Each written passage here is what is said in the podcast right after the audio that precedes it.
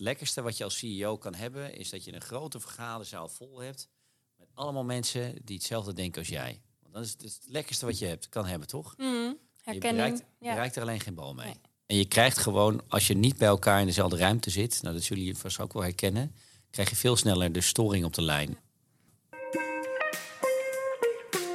Welkom bij weer een nieuwe aflevering van de podcast Mystiek van Team Dynamiek. Waarin wij op zoek gaan naar de zichtbare en onzichtbare factoren die bijdragen aan een positieve teamcultuur. In gesprekken met leiders in een atypische context horen we wat zij tegenkomen in hun teams en hoe ze hiermee omgaan. In deze aflevering gaan we het hebben over presteren onder druk van strakke deadlines. Wie zijn eigenlijk je teamgenoten als je op afstand samenwerkt als buitenlandcorrespondent? Deadlines geven een helder kader. Zodra je lijf gaat, moet je presteren en op elkaar kunnen rekenen. Hoe werkt dat achter de schermen bij een li- live-uitzending? En hoe verloopt de samenwerking onder druk? We gaan erover in gesprek met Tim de Wit, die ons ook nog wat kan leren over het maken van een podcast. Zeker. Tim is journalist, radiopresentator bij Bureau Buitenland, voormalig NOS-correspondent in Londen, podcastmaker van de succesvolle podcast Europa Dra- Draait Door en ook nog schrijver van het boek Wankel Koninkrijk. Welkom Tim, Dankjewel, goede samenvatting hoor. leuk dat je er bent. Niks meer aan toe te voegen. Nee, nou mijn eerste vraag zou zijn, eh, kan je nog iets over jezelf vertellen? Of is er iets wat je nog heel graag hierover wil delen? Ehm, nee, nee, ja, de- de- de- ik, eh, het klinkt vrij veelzijdig als ik het zo opgezomd hoor ook. Denk, nou ja, dat- probeer ik ook wel, dat vind ik leuk. Eh, dus inderdaad, radio maken. Ik doe ook nog een televisieprogramma sinds kort. Mediastorm heet dat.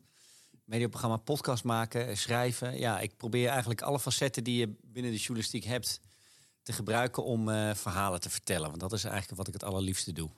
Ja. Mooi. Ik ben benieuwd welk verhaal eh, we vandaag van je mogen horen.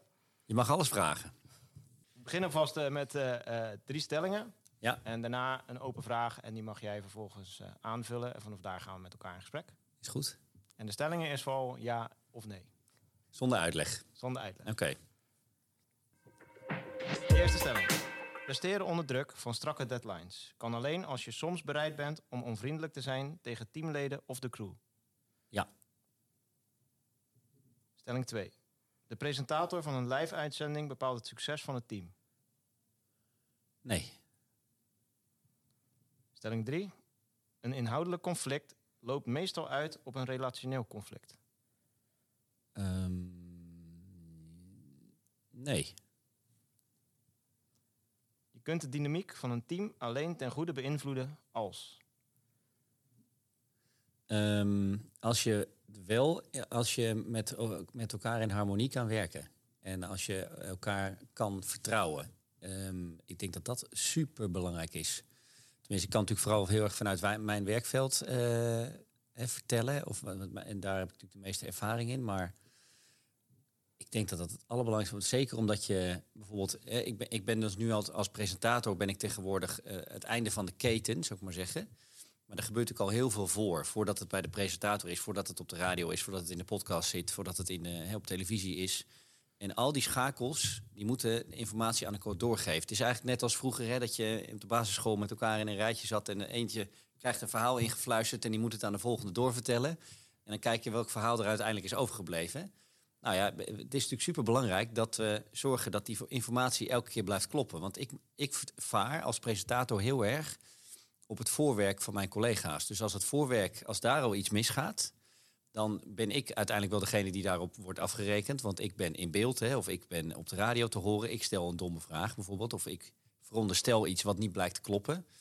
Eh, dat zijn ook de momenten, hè, want je hebt het net over dat onvriendelijke zijn. En dat is, eh, ik ben ah, denk ik verre van een onvriendelijk persoon. Maar je merkt gewoon dat als dingen onder druk gebeuren, eh, het moet gebeuren. Ja, dan moet je soms wel ook, als dingen niet goed zijn, het, het kunnen benoemen. En, het, zonder dat het dus inderdaad, wat je ook met die andere stelling zei, hè, dat het, of het nou meteen ook in de relationele sfeer consequenties heeft, dat is volgens mij, kun je dat prima los van elkaar zien. Maar als je maar wel bereid bent om aan te geven waar- waarom je niet blij was, bijvoorbeeld met de voorbereiding, of waarom je niet blij was met eh, hoe het is aangeleverd, ehm, dat moet je volgens mij prima tegen elkaar kunnen zeggen. En eh, ik merk, naarmate je elkaar beter kent in zo'n team, hè, dus om even dat kort neer te zetten hoe dat bij ons gaat. Dus je hebt een eindredacteur, is zeg maar verantwoordelijk voor de inhoud van een programma. Mhm. Dan heb je een presentator van het programma, dat ben ik dan in dit geval. En dan heb je redacteuren die zorgen voor de inhoudelijke voorbereiding. Dus die eh, nodigen gasten uit die in het programma zitten. Die spreken, voordat ze in de uitzending zitten, spreken ze met, met zo'n gast voor. Ehm, vervolgens ga je met de eindredacteur en de, en de presentator eh, overleggen... oké, hoe gaan we het gesprek opbouwen? Wat je hebt, dus dan maak je een soort opzet van de vragen. En uiteindelijk moet ik het dan uitvoeren. Ehm, en soms loopt dat heel anders dan je van tevoren bedenkt. En dat is natuurlijk dan weer de, de, eh, waar je als presentator echt... nou ja, het meeste aandacht voor moet hebben... is dat je altijd kan anticiperen op als dingen anders lopen dan je denkt. Mhm. Maar het is dus in die hele keten, nou, dat voel je wel als je het zo schetst. Je bent enorm van elkaar afhankelijk. Dus als, daar, als dat niet klopt en als die relatie niet goed is, als er geen vertrouwensbasis is. En ik heb dat wel meegemaakt in het verleden, dat ik merkte dat sommige redacteuren er toch een beetje met de pet naar gooiden. Eh, ik heb ook meegemaakt, want dat is natuurlijk ook in, eh, zeker in de mediawereld, kom je dat wel denk ik met enige regelmaat tegen, dat mensen liever op jouw stoel willen zitten. Eh, ja. Eigenlijk liever jouw functie zouden willen hebben. Ehm, en daarmee dus niet eh, per se de redacteur zijn die je zou willen. Hè, of iemand op wie je zou Ander kunnen belang. vertrouwen. Ja, ehm, dat speelt natuurlijk allemaal wel mee. Eh, ik heb het ook als correspondent wel gehad. Dat mensen, dat is helemaal lastig. Hè, want dan werk je. Kijk, nu werk ik in Nederland weer. En dan zie ik eh, het team waar ik mee werk, zie ik gewoon in, eh, kijk ik in de ogen op dagelijkse basis. Maar in Londen werkte ik natuurlijk met mensen in Hilversum. eh, Ja. hè, dus vanuit een ander land. En dat is nog veel ingewikkelder, want dan ben je natuurlijk op afstand met elkaar eh, aan het communiceren, altijd via telefoon. Ja, en als dan meer dingen misgaan of je kan niet vertrouwen op elkaar, dat, is, dat vond ik echt heel ingewikkeld. Ehm, Hoe ging je daar dan mee om? Als daar iets niet goed zat?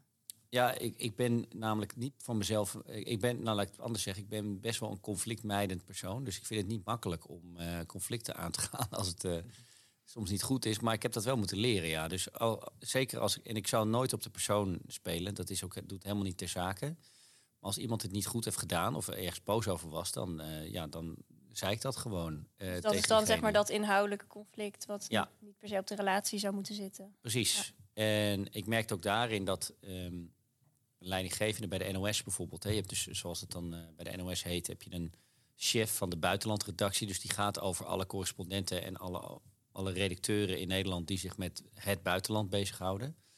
Ja, die was dus altijd maar al die ballen in de lucht aan het houden en die lijntjes goed aan het houden. En je krijgt gewoon, als je niet bij elkaar in dezelfde ruimte zit, nou dat zullen jullie vast ook wel herkennen, krijg je veel sneller de storing op de lijn. Ja. Dus dingen die niet goed gecommuniceerd zijn of mensen die zich niet aan bepaalde afspraken houden. Of eh, dat ik in Londen dacht dat het, het een was afgesproken en dat ze in Hilversum iets heel anders dachten. Dat gebeurt heel veel. En eh, Maar hoe ging je daar dan wel mee om? Want je zegt, ik ben conflictvermijdend. ja, maar dus het, in het begin, ik heb, ik heb dat echt moeten leren. Dus eh, de eerste paar jaar vond ik het heel lastig. Ehm, dacht ik ook heel vaak van, was mijn eerste reflex ook, oh, het zal wel aan mij liggen. Hè, ik zal het wel niet goed hebben begrepen. Maar op een gegeven moment dacht ik, nee, wacht even, dit gaat daar mis. Ehm, en ik moet daar gewoon, dus je moet dan ook voor jezelf opkomen. Maar Mhm. het is veel moeilijker als je elkaar. Ik ken heel veel Ja. van die redacteuren ook helemaal niet zo goed. En als je elke dag met elkaar in dezelfde ruimte zit, is het toch makkelijker. Als je met elkaar wel eens de kroeg in bent geweest, of als je een soort een band hebt opgebouwd.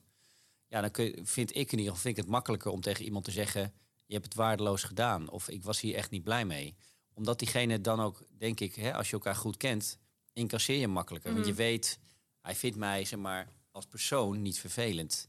Maar als je iemand niet zoveel ziet of weinig, en je moet op afstand eh, dat tegen iemand zeggen, dan wordt het al snel, dan wordt het sneller persoonlijk opgevat. Ja. Ja. Dus dat is lastig. Dus je hebt die vertrouwensbasis echt wel nodig. Ja, ik vind dat heel belangrijk, ja.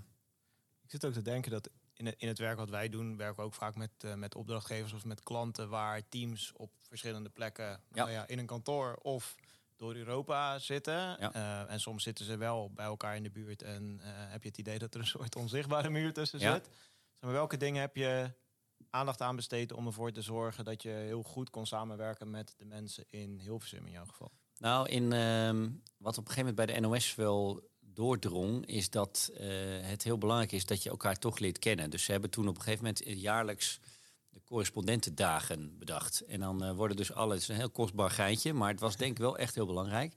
Alle correspondenten van over de hele wereld worden dan een week lang naar Nederland gehaald. Om allerlei activiteiten te ondernemen met die redacteuren, met die mensen die je dus de hele dag aan de telefoon hebt. En dat is echt heel slim geweest. Dus dat is echt wel een manier om. eh, en dan ga je dus, ja, je gaat ook hele suffe dingen doen van die teambuilding activiteiten en zo. Maar daar gaat het niet om, weet je wel. Het gaat erom dat je met elkaar bent en dat je niet met werk bezig bent, maar gewoon elkaar op een hele andere manier leert kennen. Uh, en in tussen de regels door heb je dan automatisch gesprekken over weet ik wat allemaal, weet je wel. En, en dat schept natuurlijk een band. En ze merkten dus bij de NOS uh, van dat is nodig. Want anders houden we die, die frictie, weet je wel. Anders blijf je die, die relatie uh, te dun houden om elkaar af en toe de waarheid te zeggen. Want je kunt je ja. voorstellen bij zo'n NOS, de hele dag zijn er deadlines, weet je wel. Ja. Dat is niet een project wat over drie maanden een keer klaar is. Nee, is elke avond is er een acht uur journaal. Elke avond is een nieuwsuur. Elke avond is het oog op morgen. Elke ochtend is het Radio 1 journaal. Elke keer die deadlines. Het heeft mij enorm getraind in time management. Ik ben daar echt een meester in. Zeg maar in uitrekenen hoe lang ik over iets moet doen. Zorgen dat het op tijd klaar is. Ik mis ook nooit een deadline, gelukkig. Uh, ik klop hem altijd even af. Nou ja, nooit. Je moet nooit het woord nooit gebruiken. Want dan zou je zien dat het een keer misgaat. Nee, maar dat, dus, daar ben ik enorm in getraind. Ja. Maar ik ben, uh, en dat is ook iets wat bij journalistieke organisaties echt een ondergeschoven kindje is. We zijn veel minder getraind in people's management, om even een heel lelijke Lange termijn term, investering in relaties. Ja, en snappen hoe belangrijk dat is. Um, dus we, we worden ook uh, vooral afgerekend op de inhoud of en wat je uiteindelijk levert. Maar uh, al die schakels die eraan vooraf gaan, weet je, die, die verdienen ook heel veel aandacht. Mm -hmm. Het is natuurlijk super belangrijk dat je, nou ja, wat, waar we het in het begin over hadden, dat je kan vertrouwen op de mensen met wie je samenwerkt. Maar was dan in die week waren dan de mensen zeg maar, van de redactie, dus van Hilversum, waren daar dan allemaal ook bij? Ja, iedereen was erbij. Ja, en wat ja. als er dan iets gebeurde in het buitenland? Dan, uh... Ja, dan deed je dat vanuit Hilversum. Oh, wel. Okay. Dus uh, ja, en als is... alle correspondenten bij elkaar zitten. Ja, dat is, dat is ja. natuurlijk heel gek, want het nieuws moeilijk. gaat gewoon door. Ja, ja. En uh, ik heb het ook al meegemaakt. En dus stond ik, um, ik weet niet meer precies wat het nieuws was, maar dan, ja, dan sta je gewoon in de studio in, in Hilversum. Ja, en ja, weet je, je we zijn alle correspondenten, we zijn af en toe nou eenmaal wel eens in Nederland. Dus het is ook weer niet heel raar. Uh, maar het voelt wel gek als tv-kijker, denk je. Hè, van, hè, wat, hoezo staat hij niet voor de Big Ben? Weet je wel, wat is ja. hier aan de hand? Ja. Nee, dus dat kwam wel eens voor. Maar dat is, ja, het, was, het is ons nooit heel erg kwalijk genomen. Eh, je zei net ook iets over dat je aan het eind van de keten staat. En dat je dus daarmee denk ik ook heel veel vertrouwen moet hebben dat aan ja. het einde van die keten ook datgene klopt wat jij vervolgens gaat, gaat brengen. Um, en je zei bij een van de stellingen van nou ja, uiteindelijk het succes wordt ook bepaald door degene die presenteert. Ja. Hoe is de balans tussen uh, ja, daar volledig op vertrouwen en anderzijds ook ervoor zorgen dat je heel goed aangeeft wat jij dan daadwerkelijk nodig hebt? Ja. Nou ja, je moet ook, dat heb ik zelf al gemerkt nu, uh, want als correspondent werkte ik altijd heel zelfstandig en um, deed ik ook bijna altijd mijn eigen research, hè, mijn eigen onderzoek. Uh, sprak ik zelf met alle bronnen die ik uiteindelijk wilde spreken. Hè, dus mensen die ik ofwel wilde interviewen ofwel waar ik informatie van, uh, vandaan had. Maar ik merk als presentator van een dagelijks uh, radioprogramma gaat dat niet meer. En dus uh, ik, ik moet, en dat is, ik ben nu, nu iets meer dan een jaar terug in Nederland. Ik moet leren loslaten. Dus ik moet juist meer vertrouwen op andere mensen. En dat is best wel even een proces geweest. Dus dat je gewoon het gevoel hebt van, oh ja, nee, ik, ik, er zijn redacteuren hè, en die hebben zich er echt heel goed in verdiept. En die, uh, maar ik merkte in het begin dat ik toch de neiging had om, en dat had niks te nadelen van mijn collega's natuurlijk, maar dat ik toch de neiging had om dingen te checken of het wel klopte. Dus ook ging uh, controleren en zoeken of dingen niet anders zaten dan ze op bij mij. Hè, dus het soort, ik had een soort, en dat komt denk ik ook een beetje door, door schade en schande wijs geworden, maar dat je een soort natuurlijk wantrouwen hebt in informatie die je krijgt aangeleverd. Mm. En dat heeft ook wel, want je wil het goed doen hè, als presentator. Je wil zorgen dat wat je zegt, dat het klopt. Ja, dat is je uh, grootste goed natuurlijk ook. Het ja, zeker. Kloppen. Ja, ja. Nee, want daar sta je voor schut natuurlijk. Dus het is ook niet per se slecht. Maar uh, dat was voor mij wel een proces. Dat ja. ik dacht, oh ja, ik moet nu gewoon vertrouwen op dat andere mensen hebben uitgezocht dat het klopt. En uh, dat gaat nu ook steeds beter. Maar dat is ook, ook daarin moet je elkaar natuurlijk leren kennen en, en weten wat je aan elkaar hebt. En ja, bij de ene collega uh, weet je van tevoren van, oh ja, die heeft, echt, die heeft echt alles zo goed uitgezocht, weet je, dat, dat zit wel goed. En bij de ander weet je van, oh ja, die kan soms wel eens wat slordig zijn met getallen of zo, weet je wel. Of uh, dat je denkt, nou, dit ga ik toch nog even dubbel checken mm -hmm. of dit wel klopt. Of even met die redacteur nog even bellen van, weet je het zeker, zit het inderdaad zo? Of uh, ja, dat soort dingen. Um, en dat is gewoon, voor mij was het dus wel een proces om, ja, dat je weet dat je, aan, nu sta je inderdaad aan het einde van die keten en is het een kwestie van uh, uh, loslaten af en toe. Ja. En je, je noemde ook dat Ehm, nou ja, het, het nieuws komt elke dag, dus er is altijd een strakke deadline. Ja. En eh, ik had in een van de interviews eh, vooraf ook gelezen waar je noemde van tijdens de brexit volgens mij van ja, je agenda werd in feite bepaald door alles wat er Ja. op dat moment gebeurde. Ja. Eh, nou, het kan me, kan me voorstellen dat het ook ten koste gaat van een aantal dingen. Nou, je noemde net al people management. Ja. Zijn er achteraf dingen waarvan je zegt, ja, dat nou, had ik anders gedaan eh, als ik er nu op terugkijk? Ehm, nou, ik heb me wel eh, heel erg laten leven door het nieuws eh, in Londen. En daar had ik natuurlijk ook niet zoveel controle over, weet je wel. Maar het was wel heel erg veel. En ik denk achteraf dat ik wel wat meer had willen terugduwen. Dat we ook, weet je, dat is heel. Ik vraag me niet hoe dat soort dingen werken, maar er ontstaat dan zo'n dynamiek rondom zo'n groot nieuwsevenement zoals Brexit was. Waar we plotseling echt op detailniveau in Nederland het ook aan het volgen Mhm. waren, weet je wel. Ja. Er was er weer een debat in het lagerhuis, wat echt, eh, waarvan ik echt dacht, jeetje, Mina, moeten we dit in Nederland ook allemaal doen, weet je wel? En dus er kwam zoveel druk op dat onderwerp te liggen en elke keer kwam het weer bij mij terecht en moest ik er weer iets mee. Ehm, en dat zorgde er gewoon voor dat ik heel moeilijk eh, grip had op mijn tijd. Dus eh, ja, ik stond op een gegeven moment avond aan avond in het journaal.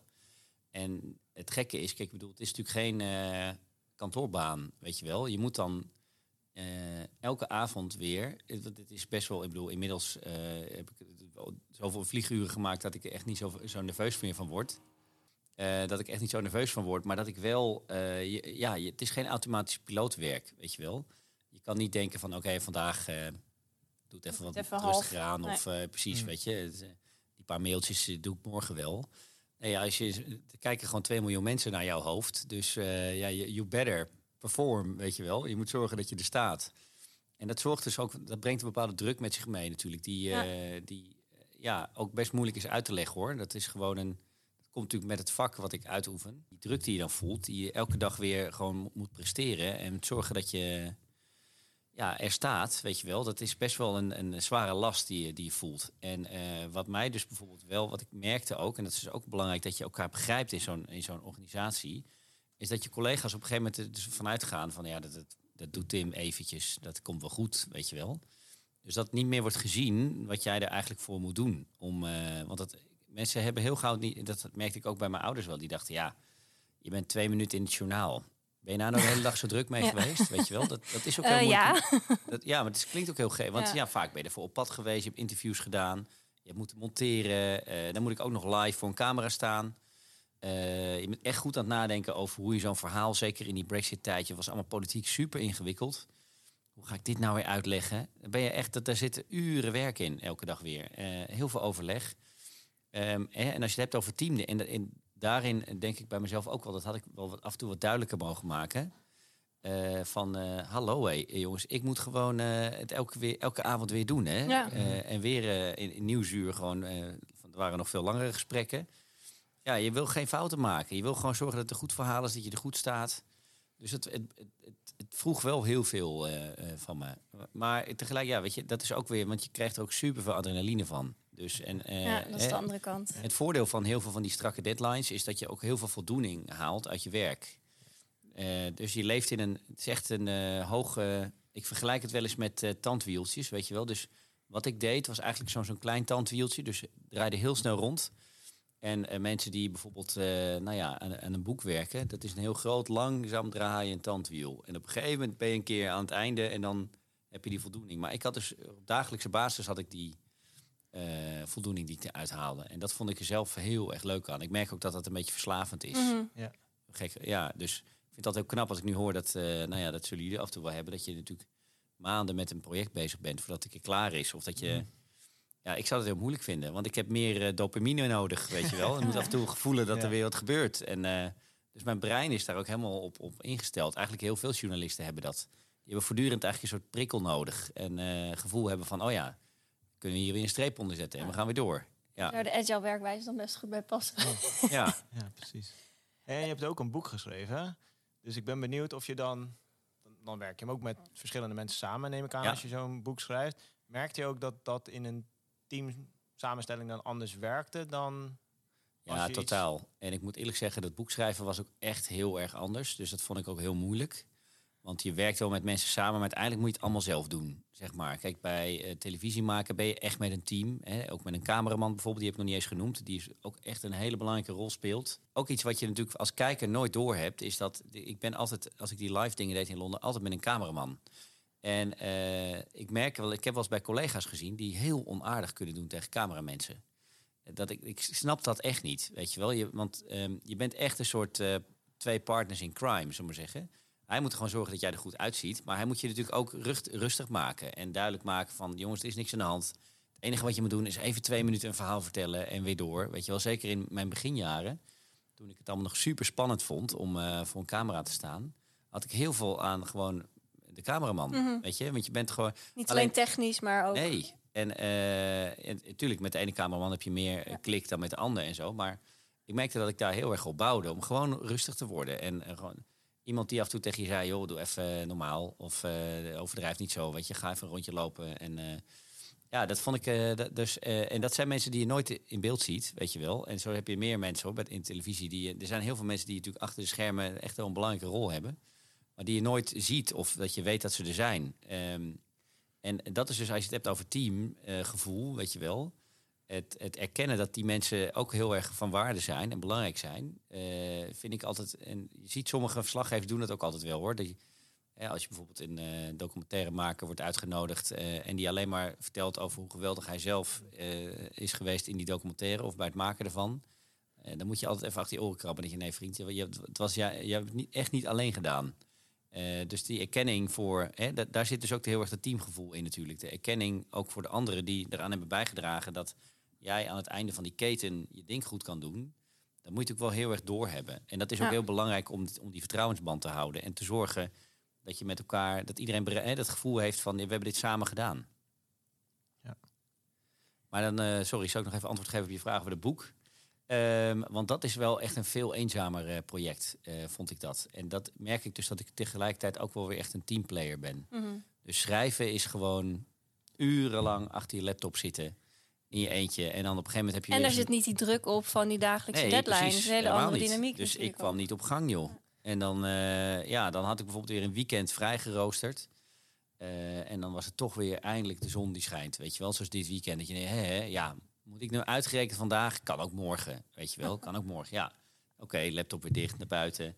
Zit toch een stemmetje in je hoofd elke keer te, tegen je aan te kletsen van... Uh, ja, hallo, je moet schrijven. Dus je kan ook niet helemaal loskomen, weet je wel. En het sleept maar met zich mee. Ik vond het echt heel zwaar daardoor. Uiteindelijk heel blij dat ik het allemaal heb afgemaakt. En daarin merk je dus dat het teamgevoel... Eh, ik, daar, ik zwom de hele tijd. Dus je hebt dan iemand bij een, bij een uitgever... die begeleidt heel veel schrijvers. Maar die, ja, daar had ik eigenlijk niet zoveel aan. Dus die stuurde ik af en toe wat op en die zei... ja hoor, het is goed. Of ik zou dit nog doen, ik zou dat nog doen. En boing, kreeg ik het weer terug, weet ja. je wel. Dus kon ja. ik weer verder. Niet echt teamwork. Helemaal nee. niet, nee. nee. nee. Uh, nog even ook een bruggetje naar je. Je vertelde net over je tijd in Londen en uh, veel deadlines. Uh, we hebben een vraag namelijk van de vorige gast voor jou. Ben benieuwd. Um, dat was Paul van Ewijk, een theaterregisseur. die had ook nog een andere vraag, maar die zal ik je straks stellen. Dat was meer vanuit persoonlijke interesse van hem. maar hij vroeg, hij vroeg zich af op het halen van welke strakke deadline met je tong op de knieën ben je het meest trots? Oh ja, nou, dat, is wel, dat was een van de eerste deadlines die ik heb gehaald. Ik ben dus voordat ik in Londen zat, was ik uh, correspondent in Duitsland en daarvoor in Zuid-Afrika. Daar ben ik begonnen, nou, lang geleden. En uh, de eerste deadline die wij moesten halen toen voor het 8 uur journaal, dat was, um, voor de mensen die dat nog op het netvlies hebben, op een gegeven moment werd, werd een enorme rel, kwam er naar buiten over dat Willem-Alexander en Maxima een villa hadden gekocht in Mozambique, ja. op een of ander klein ja. eilandje. Dat is 2009, dus echt lang geleden. Um, en nou ja, dat was een enorme rel in Nederland. En wij zaten er, ik, ik werkte toen samen met uh, Lucas Waagmeester, uh, ook NOS-correspondent. Wij zaten allebei in Zuid-Afrika, we werkten allebei daar voor de NOS. En dat was ons eerste grote verhaal wat wij mm -hmm. moesten doen. Dus wij werden gewoon hoppetee zo en, uh, naar dat eilandje gestuurd. En we een reportage gemaakt over, over die villa. Maar ja, daar was dat een enorme deadline stress achter. Want het, de NOS wil natuurlijk niet dat verhaal drie over drie dagen hebben. Nee, dat moest vanavond. En dat was nog de tijd dat je het, het um, reportage, want dat vraag je waarschijnlijk nooit af. Hè? Je, je draait iets op een camera. Hoe komt het uiteindelijk in Nederland op de buis terecht? Ja, uh, dat gaat dus via FTP. En zeker in 2009 had je een hopeloze internetsnelheid in uh, Zuid-Afrika, in Johannesburg. Dus we moesten dan dus die reportages stuur je dan eigenlijk door. Eigenlijk zo via WeTransfer, hè, moet je het eigenlijk mm voor je stellen. En het ging traag en traag. en het was zo vreselijk spannend. Want het was echt een, een nou ja, afschuwelijke klus. En we hadden helemaal niet zoveel ervaring. Dus dingen gingen veel langzamer dan dat ze natuurlijk nu zouden gaan. Maar dus alles gemonteerd. En, eh, en dan zie je, zit je dus gewoon naar je computer te kijken. En dat was dus, ik denk dat het zeven uur s avonds was. En acht uur begon het Oh. journaal. En dan zie je zo die, ja, je zie je dat percentage zo oplopen. Hè, dat, die, eh, dat dat bestand wordt doorgestuurd. Nou, het was afschuwelijk. Ja, en dat is, dat is pas loslaten, want daar heb je helemaal geen invloed meer op. Oh, en- verzenden en, hopen dat maar het tijd... uiteindelijk, ja, dus, nou ja, het was dus echt minutenwerk. En mensen waren ook woedend in Hilversum dat het, eh, ja, we hadden dat natuurlijk toch, hè, als je het weer hebt over time management, dat soort dingen zouden me ook later nooit meer overkomen. Dus je kan beter een iets slechtere reportage Mhm. opsturen, maar wel Tijd. zorgen dat hij op tijd Ja, is, ja. dan dat je nog langer gaat zitten pielen en dat hij uiteindelijk te laat is. Want dan ziet niemand hem. Waarde. Precies. Dus dat is ook zo'n les, weet je wel. Van, eh, nou ja, daar heb ik toen heel veel van geleerd tegelijkertijd. Maar dat die toen uiteindelijk toch in het journaal zat. En eh, ja, eh, want alle beelden die we maakten waren toen al nieuws, weet je. Want niemand had die villa ooit gezien, Ja, ja. niemand had het eiland ooit gezien. Dus ja, dat was, eh, dat was wel echt heel cool. Maar ook, mijn god, wat een stress. Ja. Ik heb toen dus een gat in de deur getrapt bij ons van de spanning. Omdat ik gewoon bang was dat hij het niet zou redden. En hielp het? Nee, natuurlijk niet. Maar dat is dus, zeg maar zo hoog was het opgelopen. Ja, ja, de machteloosheid ja, eigenlijk. Ja. Totaal. Ja. Ja. Maar wel gered. Wel gered. Ja. En als je dan zo'n eh, deadline haalt, hoe vier vier je dat succes dan ook met de mensen die nou ja, uiteindelijk in Hilversum in Zeker, eerste instantie ja. misschien boos waren, maar uiteindelijk waarschijnlijk heel blij? Nou ja, zeker. Achteraf was iedereen heel blij, want we waren dus inderdaad veel sneller dan alle concurrenten. Mhm. Eh, dat is natuurlijk heel leuk, eh, want RTL die wilde ook dit verhaal en eh, de verschillende kranten wilden dit verhaal. En zo, wij hadden toen als eerste, dat is dan voor journalisten altijd, ja, weet je, voor de gemiddelde mensen in de straat, die halen denk ik hun schouders op. Maar binnen voor journalisten is dat echt dat je denkt, ah, Ja. We waren als eerst, we hadden de primeur, zeg maar, we hadden de, de scoop. Ehm, maar nee, het was echt. eh, eh, wij hebben met z'n tweeën die avond enorm gevierd. Maar dat was meer. Bij mij was het een soort de ontlading van de opluchting dat het gelukt was. Omdat het was natuurlijk een, periode van in dit geval ook een paar dagen dat je non-stop aan het werk bent. Mhm. En je toewerkt naar die ene deadline, zullen we maar zeggen. Ehm, en dat kon je wel. We zaten natuurlijk aan de andere kant van de wereld, letterlijk. Dus eh, je kon het ook niet vieren, maar je moet dan wel in, eh, na afloop het echt met elkaar te debriefen. Zo Ja, even, ja. hoe is dit zo gekomen? Maar uiteindelijk, eh, ook, en het lag ook echt aan mensen in Hilversum die dat, die reportage binnenhaalden. En vervolgens heel snel in de uitzending. Dat, je, dat zijn allemaal schakeltjes die heel belangrijk zijn als het grote tijdsdruk is. Ja, dat, eh, ja, echt vieren kun je het zo. Het was ook weer niet echt iets om te vieren, maar wel even dat je het benoemt naar elkaar. Van jongens, echt heel lekker gedaan dat dit Ja. allemaal gelukt is. Mooi. Maar wij zijn die avond wel even bier gaan drinken, ja. Even bijkomen. Dat weet ik nog wel. En, en in algemene zin, want je vertelde eerder, eh, het gaat vaak over de inhoud en wat minder over de mens. Terwijl ik kan me voorstellen, elke, elke dag een deadline halen is een succes wat je met elkaar boekt. Ja. Hoeveel aandacht is daarvoor en ja, hoe sta je dan stil bij zo'n succes? Ik denk inmiddels dat er wel wat meer aandacht voor is. En ik denk ook gek genoeg, hè, dat, eh, want er zijn natuurlijk nu heel veel eh, uit de mediawereld allemaal van die schandalen naar buiten aan het komen. En met name bij de Wereld Door, daar ben ik echt zelf heel erg van geschrokken hoe het er daar aan toe ging. Omdat daar dus ook die, elke dag die zware deadline was. En daar was dus, heerst een totale angstcultuur. Mhm. Dus eh, Matthijs van Nieuwkerk is natuurlijk een geweldige televisiemaker. Maar eiste zoveel van de mensen die onder hem werkten. Dat mensen dus bang werden. En dan sla je natuurlijk volledig door. Weet je wel? Dus je, ehm, we willen allemaal het mooiste product maken. En ik geloof niet dat je daar per se zo'n angstcultuur voor nodig hebt. Dus om eh, als een soort tiran over een redactie te lopen als presentator. eh, en daarbij denkend dat je het beste uit mensen haalt, is natuurlijk totale onzin.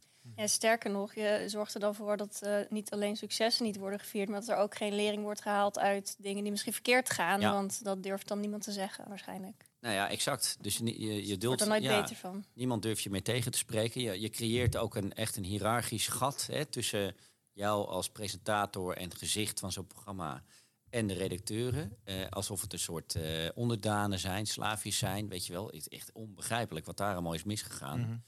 Maar dat werkt die wereld wel een beetje in de hand, denk ik. Omdat je nou eenmaal, ja, de presentator is toch nou eenmaal het uithangbord, weet je wel. Ehm, en ik moet daar zelf ook wel een, ik bedoel, ik, heb helemaal, ik ben natuurlijk verre van een Matthijs van Nieuwkerk. En ook helemaal niet zo bekend. En ook helemaal niet die, ik heb geen programma wat zo groot is. En wat het is echt een soort topsport in feite, Ja. wat je natuurlijk aan het doen bent. Eh, dus het, ik ben daar helemaal niet mee te vergelijken. Maar ik snap die wereld natuurlijk wel een beetje. En ik snap ook wel een beetje hoe dat dus kan ontstaan. Dus het is daarin ook super belangrijk dat je mensen om je heen hebt die ja, die, presenta die presentator af en toe even op zijn plek zet. Ja. Of haar plek zet. En zeg, joh, dit zie je verkeerd. Dit heb je niet goed gedaan. Of dat is heel belangrijk om een, om een gezonde werkcultuur te houden. En waar het vaak misgaat bij televisie, en dat is echt heel raar hoe dat werkt, is dat, want als je hiërarchisch kijkt, hè, dus hoe, ik had het net over de eindredacteur bijvoorbeeld, die staat hiërarchisch boven de presentator, want die is verantwoordelijk voor de inhoud. Ja. En boven de eindredacteur staat nog een hoofdredacteur, die is verantwoordelijk voor alle programma's die voor een bepaalde omroep gemaakt worden. Maar hoe het dus, en dat zag je ook bij NOS Sport, hè, um, in de televisiewereld kan het dus zo gebeuren dat de presentator groter wordt dan eerst de eindredacteur. En dus de eindredacteur gaat vertellen wat hij moet doen. En de eindredacteur gaat zich daar ook naar gedragen. En vervolgens ook nog zo groot wordt, wat dus bij Matthijs van Nieuwkerk gebeurde, dat de hoofdredacteur ze al, hem al niet meer tegen durft te spreken. Dus dan is, je helemaal, is het helemaal scheef gegroeid. Ja. Ja. En dat is heel gevaarlijk voor een organisatie. En dat is echt iets, merk ik in de tv-wereld, waar ik me enorm over verbaas, dat dat dus zomaar kan. Dus het is een beetje hetzelfde als jullie maken nu een podcast. Stel, die wordt super succesvol.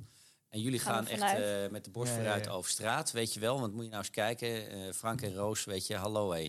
Eh, wij zijn de binkies van, eh van Pro Ernest. En dat dus jullie baas niet meer tegen jullie durft te zeggen, doe eens even normaal. Ja. Ja. Hè, maar in, in plaats daarvan eigenlijk zegt, jullie mogen alles doen wat je wil. Weet Ja, je wel? ja. Wat, je, wat, je, wat je bedenkt. Maar jullie zijn zo succesvol, jullie zijn zo'n uithangbord voor de organisatie. Eh, doe maar, dat, dat klopt niet, weet Nee. je wel. Ook niet naar je collega's, ook niet naar je... ehm, Het is ook weer die gelijkwaardigheid eigenlijk in, Ja. eh, Precies, Ja. en dat is super belangrijk. Dus als dat er niet meer is, ja, dan, dan, kunnen, dan gaan dingen scheef groeien. Ja. Dan krijg je rare culturen van. Dan krijg je wantrouwen, angst. eh, Mystieke dynamiek. ja, nee, maar precies. Ja, ja. En, dat, en dat heeft mij, dus dat is iets van die mediawereld wat ik fascinerend vind, hoe dat dus kan ontstaan. En ehm, ik hoop alleen maar dat deze excessen die dus nu in, in de media zijn gekomen, ook in de Volkskrant vooral, dat het ervoor zorgt dat mensen zich realiseren van ja, eh, dit gaat zo niet. weet Mhm. je? je moet die hiërarchie bewaken Ja. om gewoon mensen en zorg, om te zorgen dat mensen normaal blijven doen. En ik denk dat dat ook wel het voordeel is van NOS Nieuws bijvoorbeeld. Want daar is de presentator, weet je wel, ehm, ik denk niet eens dat jullie alle NOS-presentatoren van het nieuws op zouden kunnen noemen of op straat tegen zouden komen of zo, weet je.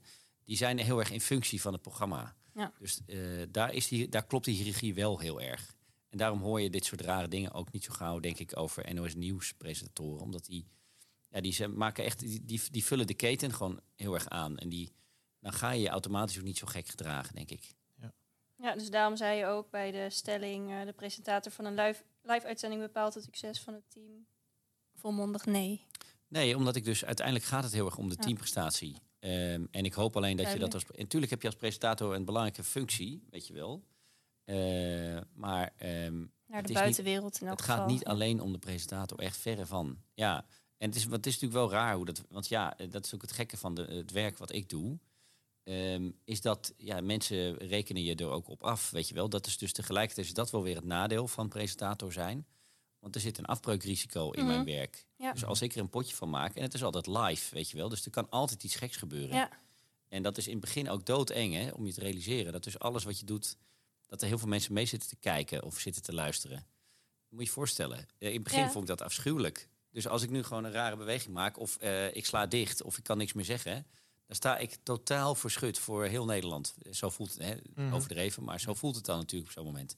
En al die andere mensen achter de schermen hebben dat afbreukrisico niet. Hè, dus de- daarin is het natuurlijk ook wel een, en dat maakt het natuurlijk ook weer lastig. Ehm, dus in die zin moet je een presentator ook wel eh, enigszins beschermen. Of Mhm. zorgen dus dat hij de mogelijkheid dat hij een fout maakt zo klein mogelijk is. Ehm, dus daarin is, daar, daar allemaal, dat heeft allemaal met dat vertrouwen Ja. en met dat, eh, met dat eh, teamgevoel te maken, volgens mij. Om het te zorgen dat het goed gaat.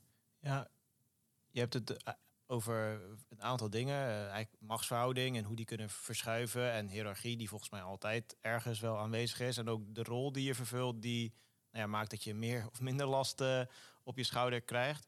Wat zijn dingen die je hebt gezien die juist heel goed werken en positief bijdragen aan zo'n ja, cultuur die je dan met elkaar kan creëren?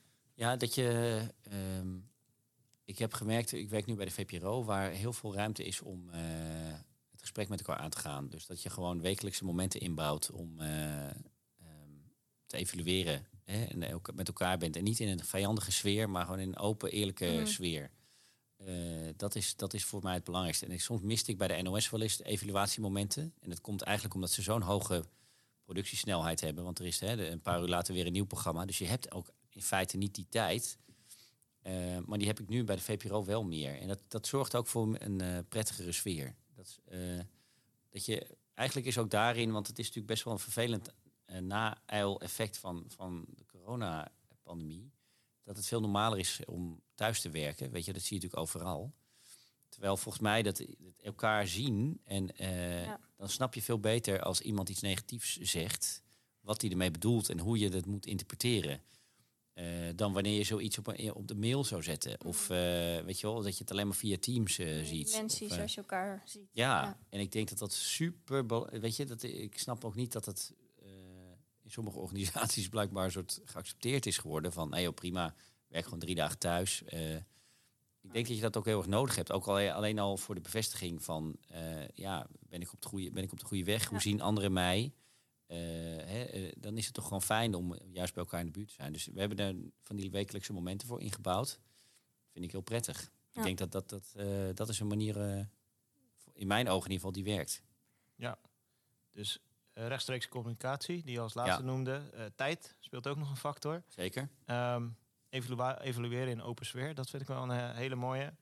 Um, nou ja, en dat je ook inderdaad, dat noemde je al eerder, elkaar ook op, de, op, nou, op een goede manier elkaar op de plek kan zetten. Of in ieder geval kan delen ja, ja. wat je uh, aanspreekt of niet ja, aanspreekt. Dat zouden wel mijn uh, adviezen zijn, ja. Mooi. Mooi samengevat. Je had nog een, misschien voor hoe heb je bijvoorbeeld de tijd in Londen beleefd? Dat was nog de andere vraag van uh, de vorige gast. Misschien leuk om te horen. Uh, hij was heel jaloers dat je in, zo lang in Londen hebt gewoond. Want hij had natuurlijk het theater Valhalla. Oh, dus ja, hij tuurlijk. gaat er regelmatig naartoe, ja. zei hij. Maar was benieuwd of jij daar ook een uh, theatervoorstelling hebt bezocht... en welke dan de mooiste was. Oh, jeetje. Uh, Wordt nou, je daar geen tijd voor in al je... Nou, wel minder dan ik hoopte, ja. ja. Nou, wat ik... Uh, ja, je hebt de West End, hè, noem je dat in Londen. Daar heb je dus, dus een soort wijkgebied waar je heel veel theaters hebt. Ja, dat vond ik altijd wel. Maar ik ben bijvoorbeeld, uh, heel veel mensen houden van Londen vanwege alle musicals. Daar had ik dan niet zoveel mee. Hamilton heb ik wel gezien, dat vond ik wel heel leuk. Maar wat ik zelf heel leuk vond, uh, waar ik echt goede herinneringen aan heb, is uh, Shakespeare's Globe. Dus dat is een theater, heeft is een open theater. Dus ook vooral in de zomer met een open. Okay. Dus geen dak is niet dicht, maar open. En dan ja. vlak bij de Theems is dat. En daar voeren ze dus altijd van die Shakespeare stukken op. En uh, dat was voor mij wel echt een van de bijzondere plekken. Ik bedoel, ik, ik heb, wij hebben op school natuurlijk bijna nooit iets van Shakespeare meegekregen. Maar elk Engels kind krijgt natuurlijk met de paplepel ingegoten. Ja. En uh, ik vond dus dat wel, hoorde ook wel een beetje met mijn eigen Britse opvoeding. Dus ben ik, daardoor ben ik daar een paar keer wel naartoe geweest. Duurt eindeloos lang, overigens. Uh, ja. Die actes en nou ja. Maar wel heel cool. Een mooie setting. dus dat staat me wel bij. Ja, een van de mooie Londense ervaring. Maar het is bizar, ja. Het is zoveel aanbod ook in Londen. En ik ben wel toen, achteraf baalde ik er wel van. Ik had natuurlijk, mijn laatste maanden was allemaal nog in coronatijd. En toen was Ah, ik juist eindelijk wat rustiger. Brexit was een beetje en naar de achtergrond verdwenen. Iedereen was lekker met corona bezig en zo. Had ik eindelijk tijd om veel Lekker meer dat soort dingen te doen. Was alles dicht, weet Ja, je. shit. Dus daar baalde ik wel van. Ja. Daar heb ik echt wel pech mee gehad. Ja. Eh, want dat was heel erg mijn plan. Ik dacht, nou, als op een gegeven moment Brexit voorbij is, dan krijg ik weer een soort rust, veel rustiger leven en een eh, overzichtelijke privéleven. Ja, en dat is me dus uit helaas eh, was me dat niet gegund. Nee. Ja, leuk. Dus als eh, een van onze luisteraars naar eh, Londen gaat, dan is dat de tip die je Zeker. meest zou willen Ja. geven. Is er nog iets wat je zegt, ja, als ik kijk naar alle teams waar ik mee heb samengewerkt eh, vanuit ehm, het werk wat je doet, wat zou dan je ultieme advies of tip zijn om een zo goed mogelijk team neer te zetten? Ehm, denk dat eh, wat ik zelf ook wel heb geleerd is eh, diversiteit. Dus, eh, en dan, ik bedoel, het gaat nu heel erg over diversiteit en inclusie. Je wordt ermee doodgegooid, weet je. Af en toe denk ik, nou ja. ehm, maar het zit, voor mij zit diversiteit dus niet alleen maar in hoe iemand eruit ziet, maar ook heel erg oh, in wat iemands competenties zijn. En natuurlijk moet je inderdaad mensen van allerlei diverse achtergronden hebben. Dat is natuurlijk heel belangrijk. Ehm, maar het is een soort modewoord geworden, weet je wel, waardoor ik denk, eh, nou ja, jongens, mag af en toe voor mij wel iets minder daarover gaan. Maar ik vind, denk dat het heel belangrijk is om, eh, om mensen te hebben met inderdaad, dus ofwel in verschillende interessegebieden, verschillende manieren van dingen benaderen, weet je wel. Ik was toevallig laatst, eh, kwam ik eh Fijke Siebersma tegen. Dat is de oude baas van DSM. En tegenwoordig is hij commissaris bij Philips. Heel succesvol CEO. En hij zei van, ehm, het lekkerste wat je als CEO kan hebben... is dat je een grote vergaderzaal vol hebt... allemaal mensen die hetzelfde denken als jij. Want dat is het, lekkerste wat je hebt, kan hebben, toch? Je Herkenning. bereikt, ja. bereikt er alleen geen bal mee. Nee.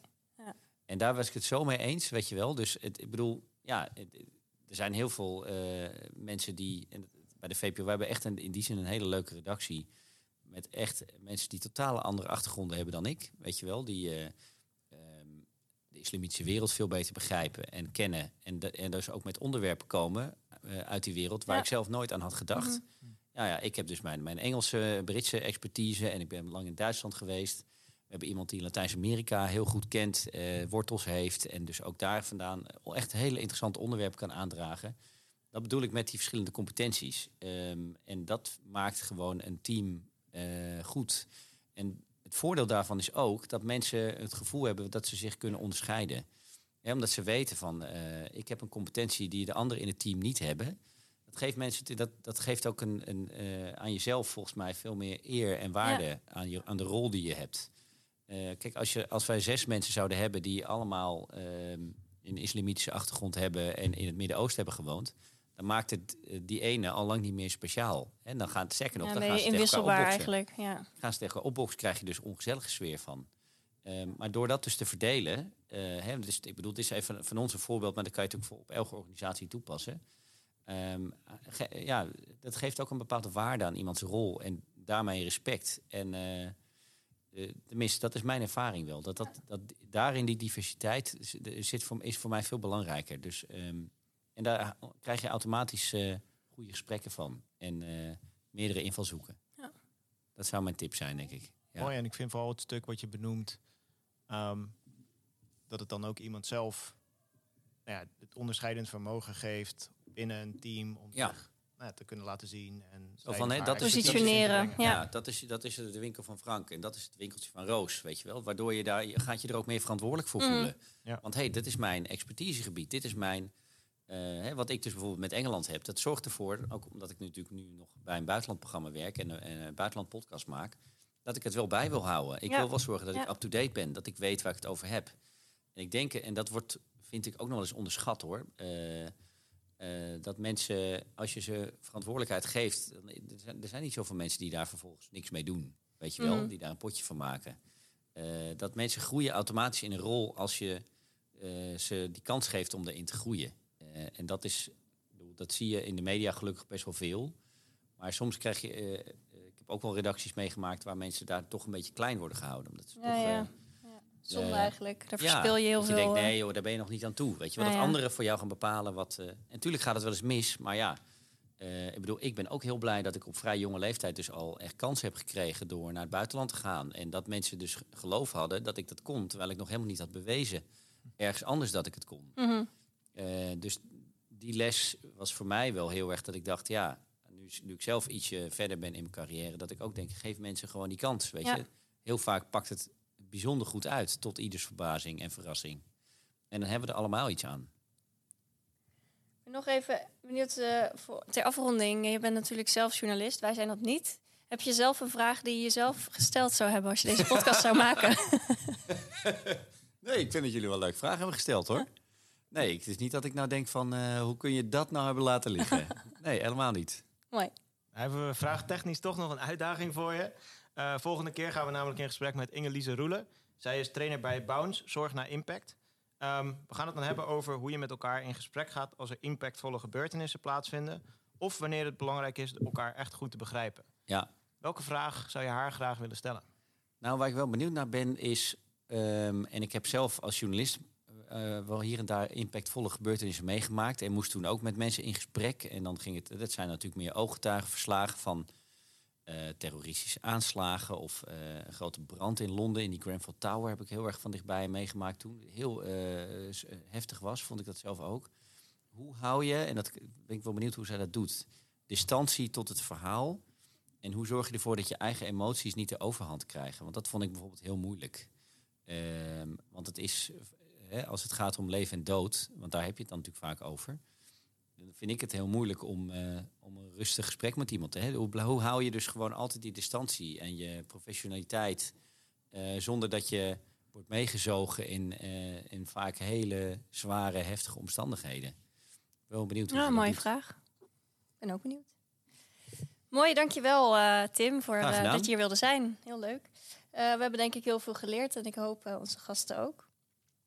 Eh, aan jou als luisteraar, mocht jij nou eh, feedback voor ons hebben of vragen eh, of andere opmerkingen richting ons als podcast, dan eh, willen we dat heel graag horen. We zijn heel benieuwd. Dit kun je ons laten weten via r.snijders met lange i, at prowernes.nl. Nogmaals bedankt Tim. Graag gedaan. Succes met de podcast. Dankjewel. Nou Frank, dat was eh, een interessant gesprek. Volgens mij hadden we nog best wel lang door kunnen gaan.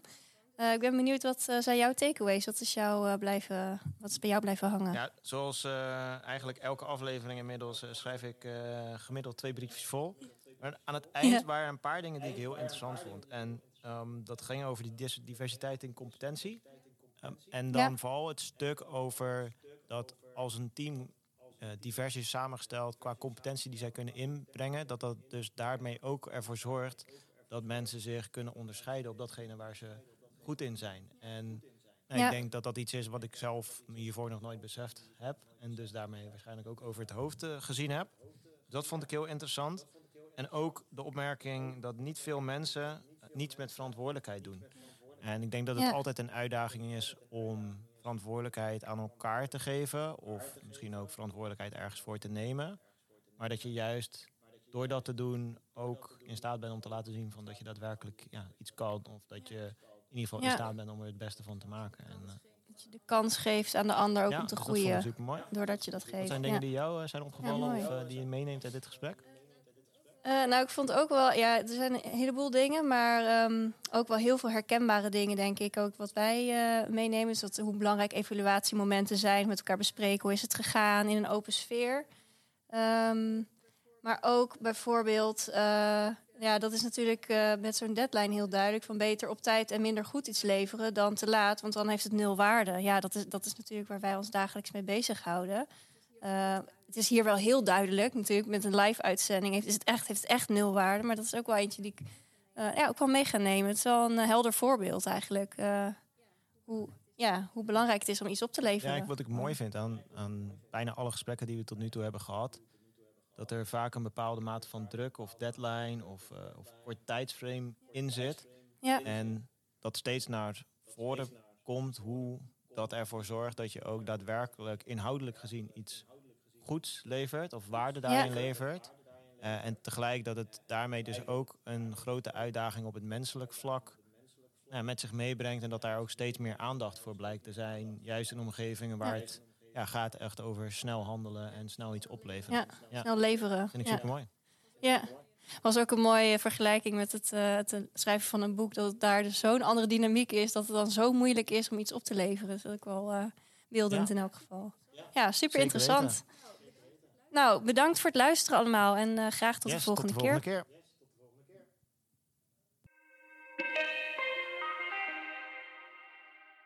Dit is een ProAwareness podcast. Heb je vragen, nieuwe ideeën of wil je als gastspreker bij ons in het programma komen? Ga dan naar www.proawareness.nl en laat je bericht achter. Tot snel.